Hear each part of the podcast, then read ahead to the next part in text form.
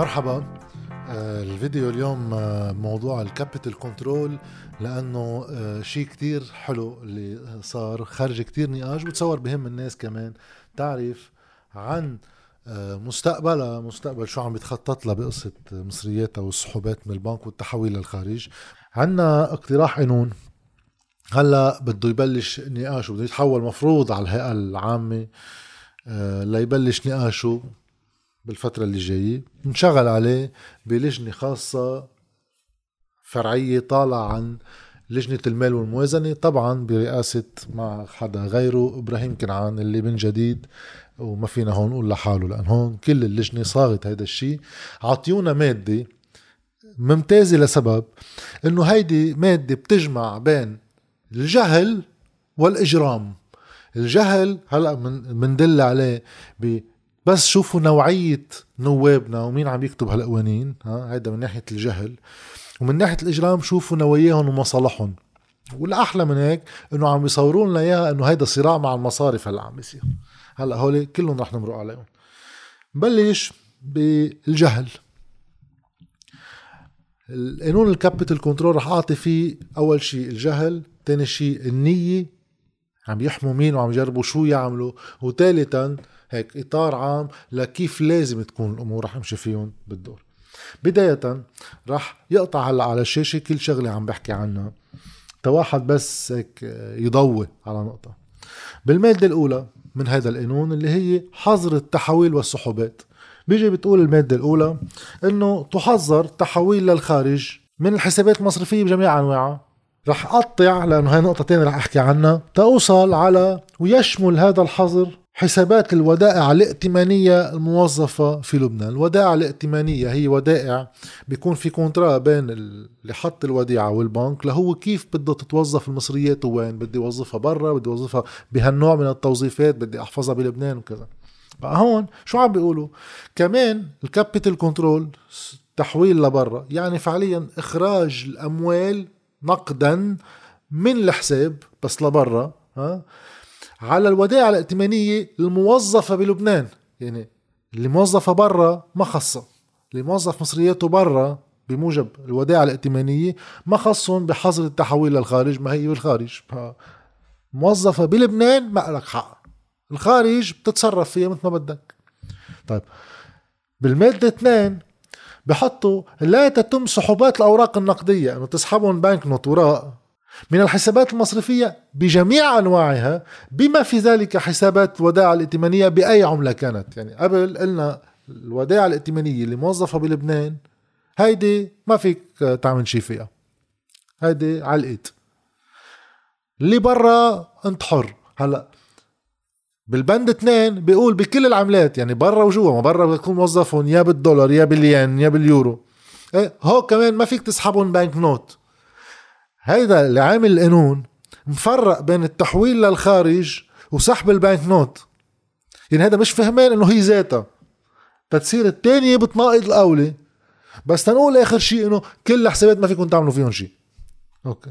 هذه نتيجتها طبعا. هن بصياغة معقدة شوي عندهم. أكثر من هيك. هلأ بنروح على التناقض الأكبر اللي بيطال كل هالقانون. تشوفوا إنه هذا اللي عامل القانون مش فهمان. أما الف هذا هذا كثير عم ناخذ نية حسنة يعني جهل على الحل إنه مش فهمان وأنا أكيد في جزء منهم مش فهمان بس في جزء منهم بيخلق هيدي الدائرة اللي هي رمادية تيصير في تحكم بالقانون. هلا من بعد ما أشير لهولي من, من راح فوت شوي أكثر باللي هم بهم الناس شو بينعكس عليهم القانون بس رح أقطع بعد دقيقتين بالأول. لأنه طيب أنا اليوم عم بمنع بموجب هذا القانون الناس تسحب مصرياتها ولا تحولها للخارج بس عم بعملها لوحد المعايير كمان لأمنع المصارف تقدر تستنسب وتطلع لواحد مصاري لأنه سياسي ولا مدبر حاله. أوكي؟ طيب هون أنا عم بيجي أقول مين هو المودع؟ يعني وقت أقول مودع بده يكون في معيار. بيجوا بحطوا يحدد سقف السحوبات للمودعين بمبلغ 20 20 ملايين ليرة 20 مليون ليرة كمان باللغة عاطلين. شهريا من مجمل حساباته في المصارف من مجمل حساباته بالمصارف. طيب هون بيقولوا من مجمل حساباته بالمصارف. إذا بننزل للمادة الثالثة من القانون أن يكون حساب العميل المطلوب التحويل منه حساب العميل المطلوب التحويل منه. يعني القانون في مرة بيقلنا أنه أنا بحق لي ب 20 مليون ليرة من كل حساباتي. ببند تاني بيقول لي هيدا ما بيقدر يتعاطى معي بالاستثناءات اللي فيه يحول منها ولا ما فيه يحول منها إلا من إطار الحساب نفسه يعني مش من كل حساباتي. طيب سؤال هيدي بقصة كل حسابات ولا حساب؟ مطرح هيك مطرح هيك. تنمشي هلا بالأصعب لأنه رح نمشي دائما بالأصعب من مجمل حساباتك طيب سؤال هل 20 مليون ليرة للمودع مين هو المودع؟ شو هو المودع؟ فينا نعرف. المودع في يكون شخص. في يكون حساب مشترك شخصين فاتحين حساب سوا. شركات مؤسسات غيره. في أشكال مختلفة للمودعين. هو كلهم بيسحبوا 20 مليون ليرة بالشهر كلهم نفس المعيار حساب الشركة وحساب كذا كله سحب. بس هو الشركات تقول لا لا مش هون مهمة مهمين الحسابات الشركة بالمحل التاني لا لا جاي عليه. بس أنا إذا فاتح حساب مشترك مع حدا واحد هو ابنه واحد هو مرته واحد هو بيو طيب هذا الحساب حساب بينسحب منه 20 مليون ليرة. وحساب الشخص الثاني إلي في يسحب منه 20 مليون ليرة ولا سوا؟ بهيدا الحسب سوا مجمل الحسابات. يعني أنا إذا في عندي حساب مشترك مع حدا أنا وياه فينا نطلع 20 مليون ليرة وإذا عندي حساب تاني ما في طلع منه ولا ليرة. أوكي.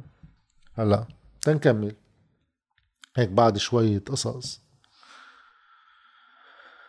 بحطوا إنه تيحموا العالم طبعا ما هن الهم حماية الناس.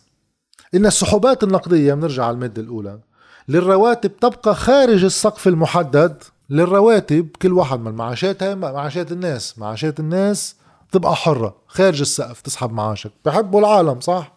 طيب سؤال شو هي الرواتب؟ في خبرونا شو الرواتب؟ في الرواتب اللي واحد بيشتغل بمؤسسة في مسجل وبهذا بتحول له تحويلة على البنك كل شهر بينزل ذاته هاي أهين وحدة ضامنينها هن طيب. واللي بيشتغل بالساعة واللي بيشتغل بال شو بعرفني بورشة بيركب إزاز بيركب حديد بيقبض على الورشة. واللي بيشتغل فريلانس كل أنواع المداخيل اللي منا راتب شهري وبتصور في كتير من اللبنانيين مداخيلهم هيك. هولي ضمن ال 20 مليون ليرة ولا كمان محررين منها؟ لأنه هذا دخلي هيدا معاشي أنا. أكيد ما في أي تشغيل راس تنجاوب على هيدي النقطة. نتركها للمصارف. هلأ بنشوف هذا القانون فعليا شو عم بيجي يقول. قطعت الكهرباء. أوكي. تنضلنا شوي بال بعدنا بالجهل اللي فيكم في خبز نوايا سيئة. طيب. روح على البند رقم أربعة. يجوز لأصحاب الودائع بالعملة الأجنبية باستثناء التي تكونت من تحويلات من الليرة اللبنانية بعد 2016 أن يؤمن لها سحوبات نقدية شهرية بالعملة الأجنبية لا تتعدى قيمتها 50% من قيمة السحوبات بالليرة اللبنانية. طيب تنشرح بكل بساطة. هن حاطين 20 مليون ليرة على كل العالم. أشي لفة أوكي؟ أنت إذا عندك حساب بالدولار فيك تسحب 50% من قيمة تحويل بالليرة اللي هون محطينه 20 مليون ليرة أوكي؟ فيك تسحبه بالدولار. يعني 10 ملايين ليرة بنحولهم على الدولار. هلا رح نحكي عن سعر الصرف رح نسأل على أي سعر صرف. هون المميزة. 50% تاخدهم دولار. يعني اليوم إذا على المنصة ما بعرف قديش بتطلع على 10000 10 ملايين ليرة على 3900 بتسحبهم دولار. بيبقى لك 10 ملايين ليرة بتسحبهم لبناني. بس على 10 ملايين ليرة بالدولار بتسحبهم كاش دولار وراء خضر. عظيم. هلا مين ما بيحق له يستفيد منها؟ قال الودائع الأجنبية اللي هي تكونت من تحويلات من الليرة اللبنانية. يعني هو جماعة المصارف اللي عنا جماعة مصارف قال جماعة المجلس النيابي اللي هن جماعة المصارف بس هن جماعة نوابنا هلا. هولي شو شو شو مفكرين الودائع؟ فاكرين الودائع انه هن نقطة بالزمن. يعني الواحد معه 10000 دولار. أوكي بيجي بتطلع على 10000 دولار كيف اجت جاي من اللي كانوا لبناني حولهم دولار بقلب البنك ولا هو جايبهم دولار؟ إذا جايبهم دولار بحق له يسحبهم دولار 50% بالشهر ضمن المبلغ أكيد اللي قلنا إذا حولهم من الليرة على الدولار ما بحق له. من 2016 قرروا تاريخ من 2016 على أساس كأنه حسابات الناس بالبنك هي هيك. يمكن نحن حسابات الناس اللي عندنا معاش مصدر واحد إيه الحياة هينة هي هيك. بس الشركات اللي هي عندها الحسابات الكبيرة هول بالنهار بيعملوا لهم تحويلين من الليرة على الدولار خمس تحويل من الدولار على الليرة ساعة بده يدفع معاشات ساعة بده يشتري بضاعة من برا. هو دفق هو فلو اوف ماني عم بيتحرك هيك وهيك. طيب شو المعيار بحسبكم إذا واحد حول من الليرة على الدولار ألف دولار. وحول من الدولار على الليرة عشرين ألف دولار. شو بنعمل فيه؟ بحق له يسحب دولارات من حسابه ولا حسابه محول على الدولار؟ فإذا ما في يسحب. أكيد نوابنا الكرام ما معهم خبر بهيدي كلها. ما في عندهم جواب على الشيء يعني البنك رح يجاوبني. يعني البنك رح يبلش يستنسب بين الناس. هو هالقانون انعمل لنوقف الاستنساب بين الناس. بس يا نتيجة جهل جزء منهم يا نتيجة خبث جزء أكبر منهم. نترك loopholes gray areas بالقانون تترجع في قدرة استنسابية على البنك بكل شيء ما يتعلق بالدولار. هلا رح نجي على البنوك يعني. هلا كنا قلنا 20 مليون ليرة صح؟ فيك تسحب بالشهر. هلا شو يعني 20 مليون ليرة؟ وهل هال 20 مليون ليرة لازم تبقى دائما ولا في غيرها؟ مين في غيرها؟ طيب يمكن نرجع على البند الثاني من المادة الأولى. باء يمكن للمجلس المركزي لمصرف لبنان بعد التشاور مع وزير المالية. من تعديل هي تعديل كمان أغلاط عربي بسيطة. تعديل هذا السقف كلما دعت الحاجة ضمن مندرجات قانون النقد والتسليف لا سيما المادة 69 منه تعزيزا لقدرة المودعين بالتصرف بودائعهم من جهة أخرى. طيب. نعمل قانون نحن نوحد المعايير صح؟ تنقول إنه أنتم فيكم يطلع لكم هالقد بالشهر. كنا قلنا إنه حطوا 20% على كل الناس. شركة مش شركة آه، حساب مشترك آه، فرد. ما خصوا هالقانون ما بيفهم به أوكي. فوقها هال 20 مليون ليرة اللي حطها قال مصرف المركزي بالتشاور مع وزير الماليه في غيرها يرجع يحط أي رقم بده. هلا هالتعديل اللي بده يحط أي رقم بده مفروض يتبع شرطين. اللي بحق لنا نحن نسحبها بالشهر يا رياض سلامة. شو هن الشرطين اللي انت المفروض تلتزم فيهم؟ أول شرط بده يكون ما بتعدلوا إلا لتعزيز قدرة المودعين بالتصرف بودائعهم عم بيحول لنا إنه هذا الزلمة ما في يعدلها إلا صعودا لأن بده يعزز لي قدرتي لا اتصرف بودائعي عم بيقول لي 20 ما لك حق تعدلها إلا لتصير 25 و30 هذا الشرط اللي وضحوه. في شرط تاني ما وضحوا قالوا المادة 69 من قانون النقد والتسليف بده يفوت على المادة 69 بنبه شو بيطلع بالمادة 69 من النقد والتسليف هي بتناقض هيديكي. لأن هيديكي المادة 69 بتقول له إنه أنت ما فيك تعطي ليرات إلا ما تكون مغطية على القليلة ب 30% من احتياطي الاوراق النقدية بالعملات الأجنبية اللي عندك 50% من الذهب. يعني وباقي مندرجات إنه النقد التسليف يحافظ على استقرار سعر الصرف.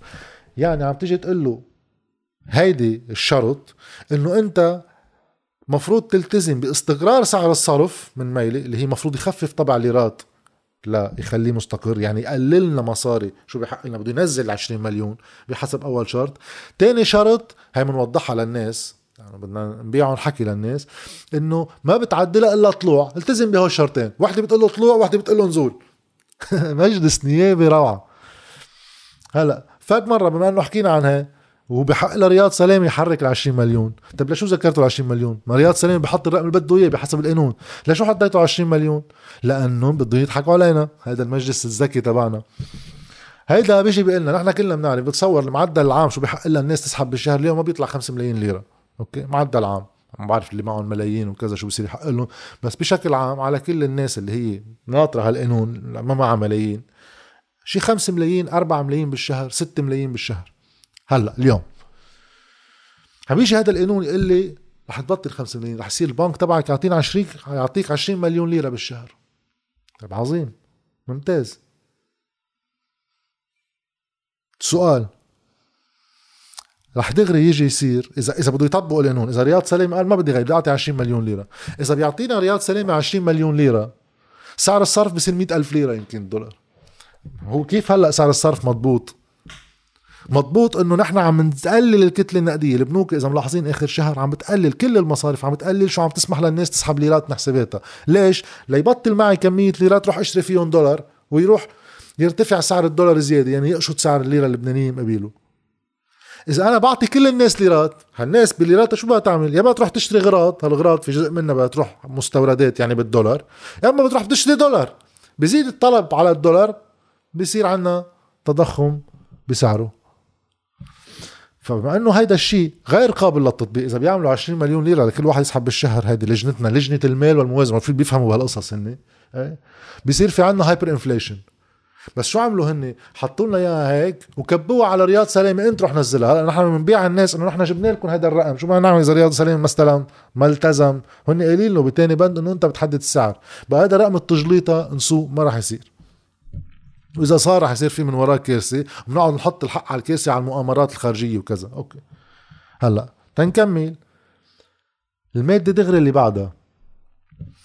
هلأ من أجل تأمين السيولة بالليره اللبنانية للمودعين بالعمله الأجنبية على مصرف لبنان ومن أجل تحديد سعر التحويل لكل عمره كنا عم نقول هلأ على أي سعر صرف هال 20 مليون ليره بسحبها نحسب بالدولار. على مصرف لبنان ومن أجل تحديد سعر التحويل لكل عملة أجنبية لكل عملة أجنبية بنعرف نحن عملات كلها. أوكي الدولار يعني. اعتماد معادلة خاصة. بلشنا هلأ بالحزازير اعتماد معادلة خاصة.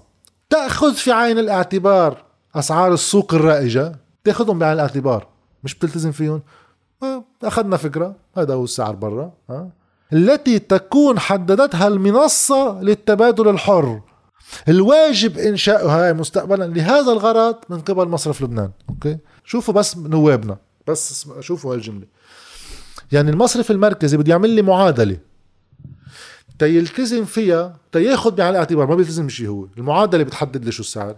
ياخذ بعين الاعتبار سعر السوق اللي هو بده يحطه بالمنصة المستقبلا بده يعملها. طيب أول شيء إذا بده يعمل هالمنصة ويحط سعر صرف ليش ما بيلتزم فيه لسعر الصرف؟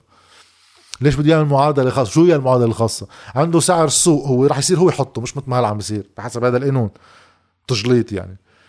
إيه بس ما بيلتزم فيه. بيعمل معادلة خاصة من بعدها فيه. طيب إذا عم نحكي عن السوق السوداء وبيلتزم هو بمعادلة خاصة وعم نلفها اللفة لما نقول هذا الشيء لكن قولوا بحدد رياض سلامه سعر الصرف ما بنعرف شو.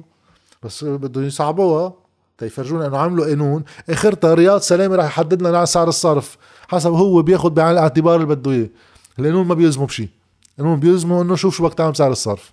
هيدا مجلسنا الكريم تا نخفض شوي من التجليط اللي بالقانون واللغة. وعلى فكرة يعني بتكفي القواعد أخطاء بالقواعد يعني. في. طيب. اذا هذا القانون ذكرت بهيدي المواد سوء النية. ليش عم بحطوا العشرين مليون ليرة والخمسين ألف دولار بالسنة فيك تسحبها إذا عندك استثناءات وخمسين بالمية من العشرين مليون ليرة فيك تسحبها كاش دولار. هيدي آخر نقطة رح أقولها لأن ما وضحتها كفايه 50% بدك تسحبها بالدولار. كنا حكينا عن الدجل بكيف بنصاغ النص يعني. بس خلينا نحكي شوي عن شو يعني يعني أنا صار في اسحب دولار في أحلى من هيك؟ في أحلى من هون النواب اللي بالهم يشلحوا البنوك ويحاربون لهول المصارف لنستعيد نحن مصرياتنا؟ طيب. انت بدك تحط 50% بدك تسحبها من الدولار. بدها تنسحب من محل من اثنين. ما في غيره البنك بده يعطيني دولاراتي بالدولار. مزبوط؟ من وين بده يجيب هالبنك مصرياته؟ في واحد من اثنين. يا اما من أموال خاصة للبنك يا اما من مصرف لبنان. أوكي الاحتياطي يعني هول شو عم بيقولوا نوابنا الكرام؟ إذا من حسابات البنوك هي في عنا 114 مليار دولار. هذا بحسب منتصف 2020 اعتبرون 100 مليار يا خي. في عنا 100 مليار دولار بالدولار. أوكي؟ البنوك المفروض تأمن كل شهر 50% من شو بحق لي بالدولار لهول المودعين اللي عندهم 100 مليار. شو معهم البنوك يعطوه من أصل ال 100 مليار؟ لا شيء. يمكن معهم إذا افترضنا كونوا هال 3% اللي برا اللي هن ما عملوها بحسب حكيهم على القليلة افترض معهم 3 مليار دولار كل المصاريف بيردوا للناس دولارات مجلس النيابي خلص بده يعطي حقوق العالم ما في لعب. إيه؟ بس شو هن الدولارات معه منهم 3 مليار من أصل ال 100 مليار معه 3% من مجمل الودائع. يعني هذه تجليط ما راح يقدروا يعملوها. راح يعملوها؟ راح أفترض راح يعملوها. أكيد بيهربوا مصرياتهم لبرا ما بيعطونا شيء. راح أفترض راح يعملوها. راح يعملوها على 3 مليار وال 97 مليار الباقيين. كيف بكفي هالقانون ينطبق عليهم؟ الله أعلم. فيهم يروحوا هلأ يتاخذوا من مصرف لبنان. يعني شو بنكون عم نعمل؟ هالاحتياطي اللي عم نجيب فيه كهرباء ودواء و... و... ونفط للسيارات هذا الأحتياطي اللي الدعم بين المزدوجين كله صاير منه. واللي عم يستنزف بسرعة. عم نجي نقول وبنسحب لبعض اللبنانيين منه لياخذوا دولارات يضبوهم بالبيت؟ وبعض اللبنانيين الآخرين لا. من وين هالدولارات عم بيضبون بعض اللبنانيين بالبيت؟ من الاحتياطي اللي بيأثر على كل اللبنانيين إنه يخلص قدرة الدعم أما قدرة التوظيف ولو عندنا خطة وحكومة وبلد مثل خلق. شوفوا هولي الدجل هيدا كله ما بيتطبق. هذا قصة الخمسين بالمية وكذا. وإذا طبق بيكون بهالشكل عم لكم إياه. من ناس على حساب ناس بهالكلفة إنه يطير الدعم أما يخلص الاحتياطي المفروض نوظفه ضمن خطة هلأ خلينا نروح على الاستثناءات. بس تشوفوا من الحاكم ومين الموظفين؟ شو بنية هالدولة الحقيقية؟ وهذا إقرار من المجلس لأن هذا قانون طيب. في استثناءات هلأ. مين بنستثني من تطبيق أحكام المادة الأولى اللي هي إنه 20 مليون ليرة وكل اللي ذكرناه؟ الأموال الجديدة هذه بسموها fresh بلبنان أوكي؟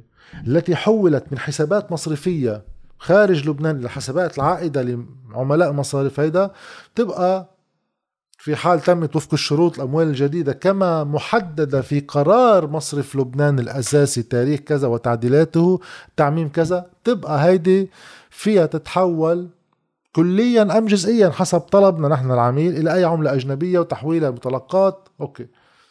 يعني هاي بتبقى حرة. شو الحلو بهذا الشيء في قانون صادر عن المجلس النيابي اللبناني يستند لقرار مصرف مركزي. تنعرف بس المصرف المركزي كله المجلس النيابي أنشأه بقانون. تحت سقف القانون بيصدر قرارات على أن لا تتعارض قراراته مع القوانين. هلا المجلس النيابي صار بيصدر قوانين تستند لقرارات المصرف المركزي. نشوف مين حاكمها هالجمهورية وهول نوابنا ولجنة مال وموازنة المفروض هول بالعكس يكون بدهم صلاحيات عندهم أكثر ويمنعوا أي مؤسسة عامة تتعدى على صلاحياتها. هن مفروض يحددوا شو بيصير ب إكس وإيجراج و fresh وما fresh وكذا. بس شو؟ نرجع بنرجعها عند الحاكم حاكم البلد إنه بخلوا قانونهم يستند على قراره وتعديلاته. نشوفه بس بآخر الجمله وتعديلاته. يعني الزلمة في عدل بقراراته وهن هالقانون بيمشي مع تعديلاته. يعني فعليا القانون يركن للحاكم المصرف المركزي هذا فوق القانون. تنضلنا بنفس التام المادة عشرة في مدة هذا القانون. يعمل بهذا القانون فور نشره في الجريدة الرسمية لمدة سنة فقط من تاريخ نشره ويعود لمجلس الوزراء بناء على توصية وزير المالية وحاكم مصرف لبنان تقصير هذه المدة أو تمديدها لفترة إضافية لا تتجاوز سنة واحدة. هلأ حدا يفسرنا ليش؟ ومن هيدي النقطة رح فوت على شو كان لازم ينعمل لو نحن ببلد طبيعية مع نواب طبيعيين يا مش جهلة يا مش منشريين. وحدة من اثنين اللي لازم ينعمل هو بناقض هيدي تحديدا اللي هي هيك الأعتباطية الشلف. بيجوا بيقولوا هذا القانون عطن القوانين قوانين لبل ما يجي قانون يعدلوا. لا هذا حطوا له مدة. قالوا هذا القانون على سنه فيك تقصرها أوكي مش مهم هو على سنه بس ما فيك تمددها أكثر من سنة فيك تمددها سنة واحدة طيب وبعد سنتين إذا بقينا بهالبلد مثل ما نحن صار قاطع سنة ونص ما عملنا شيء. فمش كتير خيال إنه يقطع سنتين وبعد يكون الوضع بعده مستمر بتداعياته السيئه ليش قررتوا سنتين؟ شو المعيار اللي قالكم سنتين مش سنة؟ انتو يا لجنة مال وموازنة اللي طيرتوا خطة الحكومة اللي كان هي فيها معيار في واحد يختلف معه في واحد كانت حاطة إنه هي على ثلاث سنين ثلاث سنين ونص إذا ماني غلطان ثلاثة لأربع سنين. مدة برنامجها هي عم تتوقع التعافي يبلش بهذا. ساعتها بتقول القانون يعمل به لثلاثة أم أربع سنوات ليتطابق مع الخطة. أنت رح تفجرت هذيك الخطة. على أي معيار؟ السادة النواب الكرام وعلى رأسهم طبعا رئيس اللجنة هذا اللي بيفهم بكل شيء خاصه بالمال وكذا. جيت أنت خبرتني إنه على سنة بتتمدد بس سنة. إذا بدك شيء جديد بدك ترجع عند نبيه بري والمجلس تعمل لك قانون غيره. ولا لا. ليش سنة؟ ليش سنتين؟ ليش مش أربعة؟ ليش مش خمسة؟ طالما حطيتوا له مالي إذا تنطلق من هالنقطة لكم بالعالم الطبيعي شو بصير بالعالم الطبيعي ما فيك تعمل قانون capital control شلف. هيك تقعد. شو بنعطي هالعالم؟ أعطيه 20 مليون. عندك خيار من اثنين. عندك قاعدة من قاعدتين تستعملهم يما قاعدة بتيجي بتقول خي أنا ال capital control هو اللي أحفظ شو في دولارات بالبلد ما خليهم يطلعوا لبرا إذا باخد شو عندي أنا؟ دولارات. شو عندي؟ آه هذا شو بسموه؟ مثل خلينا نسميه احتياط في شو عندي دولارات؟ قديش بدي هالدولارات يخدموني وقت؟ بدي هالدولارات يخدموني ثلاث سنين لكون عملت خطة لكون عملت شو ما كان. بتحكم بشو باقي عندي دولارات وبعطيك برسنتاج لكل مواطن تمد هالمدة. معي مليار دولار وعندي ألف زلمة بدي هالمليار يضاينوني خمس سنين قديش بقسم هالرقم على خمس سنين على ألف زلمة بيطلع لي رقم كل واحد بحق له بالشهر هالقد. هيدا أول معيار. تشوف شو باقي لك أنت وتوزع اللي باقي لك. معيار منه كتير منيح بس بكسبك وقت بس على القليل معيار.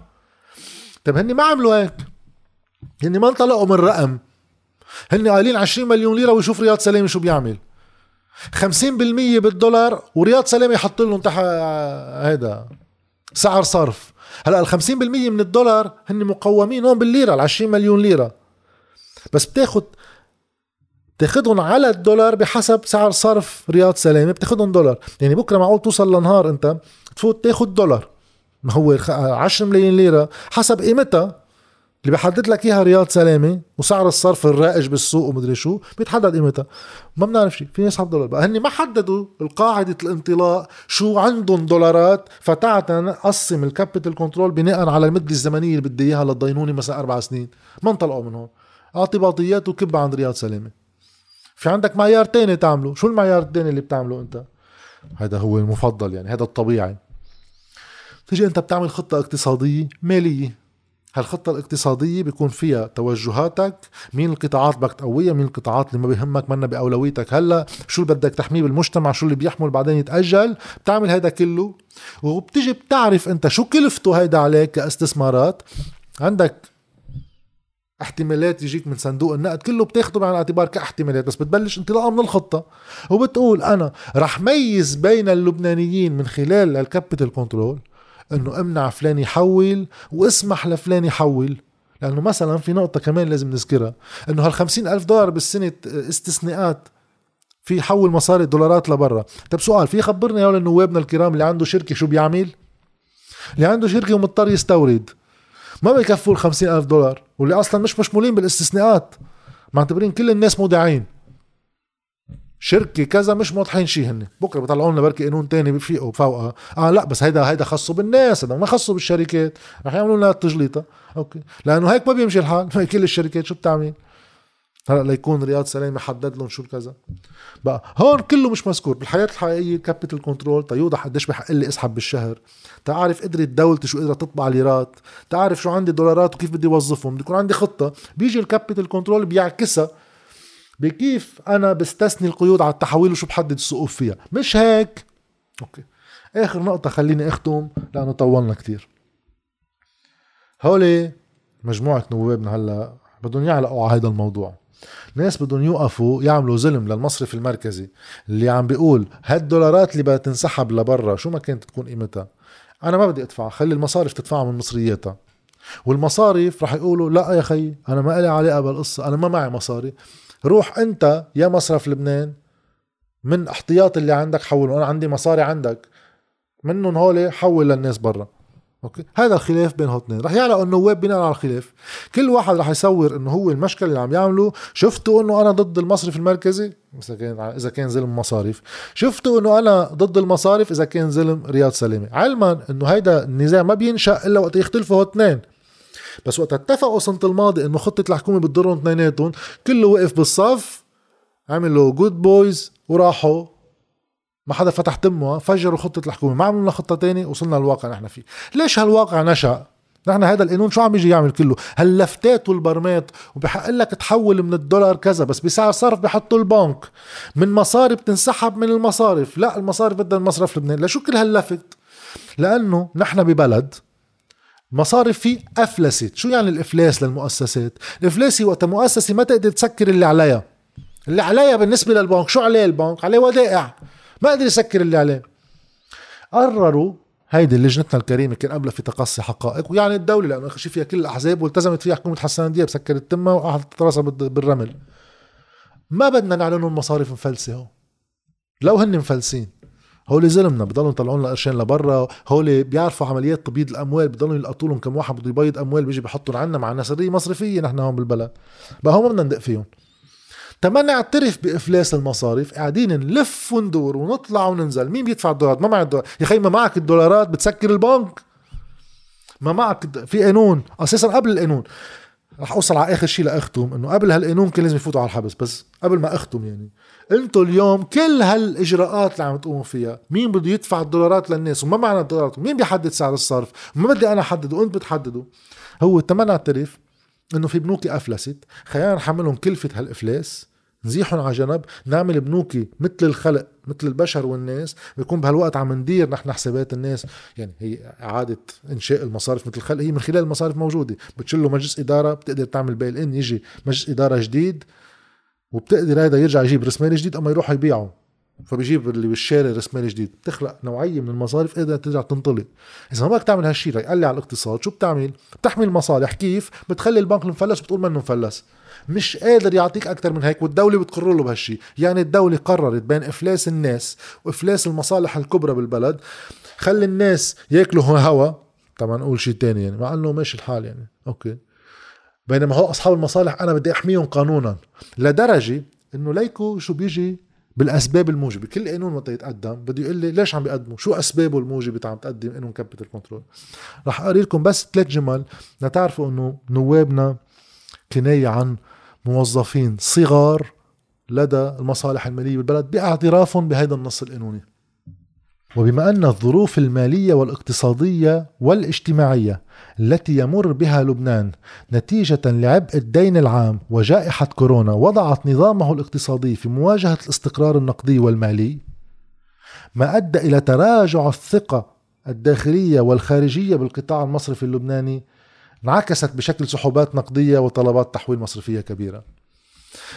هولي كيف آه هولي هاي لجنة المال كيف عملت تقييم ليش نحن بهالأزمة؟ قررت لجنة المال إنه شو سبب الأزمة؟ هيدي نتيجة لعبء الدين العام وجائحة كورونا. هالأزمة كلها إنه عنا دين عام وعنا كورونا خيي. إجوا آه خافوا الناس آه راحوا على البنك صاروا عم بيطلبوا مصاري ما في محل بيحملها بالعالم لأنه حاطينها بالآخر. إنه هيدا إذا كل الناس بتيجي بتسحب محل بيحملها بالعالم. فانهارت الدولة فانهار النظام. مش هذا كله مخالف للي صار آخر سنة ونص. لا عندنا مشكلة الدين العام كل عمرنا عندنا مشكلة الدين العام. من أيام نجاح وكيم وزهر الخطيب كانوا يحكوا بالدين العام. وصل بفترات ببداية ال2000 نسبة الدين العام على حجم اقتصادنا 200% منه. إحنا وقت انهار البلد كنا تحت ال 160% منه أوكي؟ واللي هو شيء سيء جدا. بس هل هو سبب الانهيار؟ مقاطعين بأسوأ منه. لا مش هذا السبب الانهيار. بس زبون يعني آه، محامي يا ريت محامي. موظفي البنوك شو بدهم شو بدهم يبرروا لهم؟ ولا مصرف لبنان؟ إنه مش هن هول اللي عملوا هاللعبة وخبوا خسائر وقدفوا المشاكل لقدام. قطعت كهرباء ماشي الحال. كيف يبرروا لهم؟ بيقولوا لا الانهيار هيك. بينما الحقيقة شو بتقول؟ الحقيقة بتقول إنه قلنا نحن من 2018 وقفت البنوك القروض السكنية لأن بطل في مصاري. رجعوا وقفوا أي نوع من القروض لأن بطل في مصاري. بطلوا يسحبوا بطلوا يسمحوا للعالم تسحب مصاري من حساباتها إلا بشروط ويصعبوها. هذا كله ب 18 و 19 سعر الصرف بلش يتحرك من قبل 2019 تغلق المصارف أبوابها بتشرين ال 2019 بطل تدفع للناس. بعد ما في دين عام هون. دين عام عادي. بعد سنتين من بداية تعثر المصارف من 2018 وبعد شي ست شهور من إغلاق المصارف أبوابها وفرض capital control غير قانوني المفروض يحطهم بالحبس الدولة نتيجة شح الدولارات اللي يا بدهم ينصرفوا تندفع الدين العام اللي حاملينه البنوك يعني بنعطي دولارات للبنوك اللي ما عم تعطي الناس. قالوا لا ما رح نعملها وقفوا الدفع. لحماية الاحتياطي بال 2020 بلش مشكلة الدين العام. بس وقت عندكم موظفين عند هولي بدهم يحموا لا ما الحق على مصرف لبنان وتثبيت سعر الصرف. ما الحق على قصة الهندسات المالية. ما الحق على العلاقة المعتورة بالمصارف. ما الحق على المصارف اللي هي وظفت كل مصرياتها هون وحولت مصريات لبرا. لا هذا كله ملحق عليه. ملحق على النظام المالي الراكب بالبلد آخر 20 سنة. في عنا دين عام فساد. في ناس بتشيلهم بتجيب غيرهم بيمشي الحال. مش نظام مالي في ناس مستفيدين منه مصالح. شيل واحد جيب واحد بنبلش عن جديد وكورونا. حظنا عاطل لدرجة اجت كورونا؟ وفرط البلد كله. هيدا أول وحدة كبيرة يعني. وبعد ما نزيد شغلة بس لنفرجي إنه هو كيف هن حماة سرقة أموالنا. هيدي اللجنة الكريمة والمجلس النيابي اللي حملها. ليكو شو بيكتبوا المقطع اللي بعدها؟ عن اللي قطع. بس نتذكر إذا عم نعمل قانون capital control ليش؟ تنخلق إطار قانوني بيسمح للمصارف ما تعطيني مصرياتي. إذا ما بتعطيني مصرياتي وما بتسمح لي أحول لبرا بتفوت على الحبس. هذا مجالس الإدارة كلهم سرقة لأموال الناس. حصلت وأرفض أنه أعطي الناس مصرياتها. مخالفة للقانون اللي بينظم علاقتي فيه وللقانون اللي بينظم عمل المصرفي في البلد. إذا إقرار قانون ال capital control عم بيقول تلقائيا إنه لكم سنة ونص اللي عم تعملوه مخالف للقانون. ما في قانون ينظمكم اياه okay؟ المفروض هذا يوجب على القوى السياسية تحديدا والمجلس النيابي تحديدا المفروض يعمل تشريعات اللي بتامن كيفية المحاسبة. يعمل محاسبة للمصارف على ما حصل. مش يعطيهم كادويات يقعدوا هن ومصرف مركزي يقرروا أسعار الصرف قديش وكذا. okay بس الأهم شوفوا كيف بيوصف الفترة السابقة بالأسباب الموجبة بعدنا. وبما أن الظروف الاستثنائية أملت على المصارف اتخاذ تدابير استثنائية لتواكب مستجدات المرحلة وصعوبتها تمثلت بوضع قيود على حقوق المودعين أدت إلى تقليص الخدمات المصرفية التي اعتاد المودعون إجرائها لجهة تحويل أموال الخارج. شو هيدي صارت؟ هيدا نصب أموال الناس خلافا للقانون؟ صارت ما كان في ظروف استثنائية ما اجى الدين العام وكورونا. ما صارت مشكلة بالدين العام وكورونا. اجى الدين العام وكورونا عملوا لنا ظرف استثنائي. اضطروا المصارف ياخذوا تدابير استثنائية ليواكبوا مستجدات المرحلة وصعوبتها. تمثلت إنه قلصوا خدماتهم المصرفية للناس. هيدي لجنتنا الكريمة هيك وصفت المشكل. يعني هيدا القانون اجى يعمل تبرئة تلقائية بنصه تبرئة للمصارف عن كل ما حصل بالسنة ونص الأخيرة. بدكم دليل أكثر بعد. خلينا ننهي بالفضيحة الكبرى تركتها للآخر. بهيدا القانون شو هي الفضيحة الكبرى؟ خلينا نروح على المادة خمسة من القانون آليات الموافقة. هذا اللي بده يعمل استثناء واللي بده يسحب مصريات. في آلية ليوافق له البنك إذا بده يعمل شيء ضمن قيود الاستثناء. لكن أنت إذا بدك تعمل كل هالعمليات بدك تطلب طلب إنه أنا بحاجة أحول دولارات لبرا. أنا وحده من هول الاستثناءات. كيف بتصرف فيها؟ بتصرف فيها إنه أنا بحول للبنك الطلب بدي أبعث له كل الفايلز أثبت له كذا له حق يرفض. إذا رفض بيحمل حاله هذا العميل بحسب المادة الثانية. بيحمل حاله بيروح للمراجعة عند وحدة في وحدة خاصة بمصرف لبنان معنية بأنه هي تقرر بشأن هيدي التحويل في حال رفضت الوحدة طلب العميل. يعني البنك صار رافض إنه أنا أحول مصريات وهي الوحدة رفضت. ليكم إلا نص بالمادة الثانية.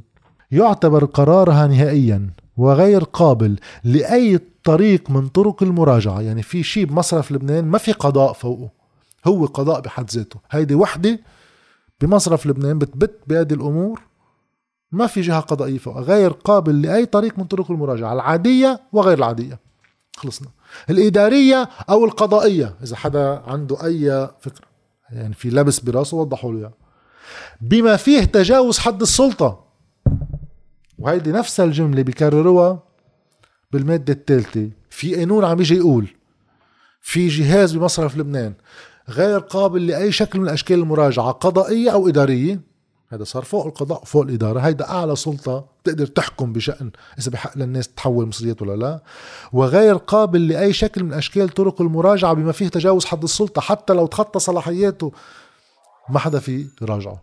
هيدي هي لجنتنا الكريمة هيدا هو قانون capital control اللي يعني الحلو فيه بس شغلة وحدة وهو جدا بشع عم بيوقع بيعبر عن واقع بلدنا. الحلو فيه شغلة وحدة إنه إجا يفرجينا على حقيقته المجلس النيابي بالجهل والإجرام كيف بيختلطوا سوا وشو نتائجهم علينا.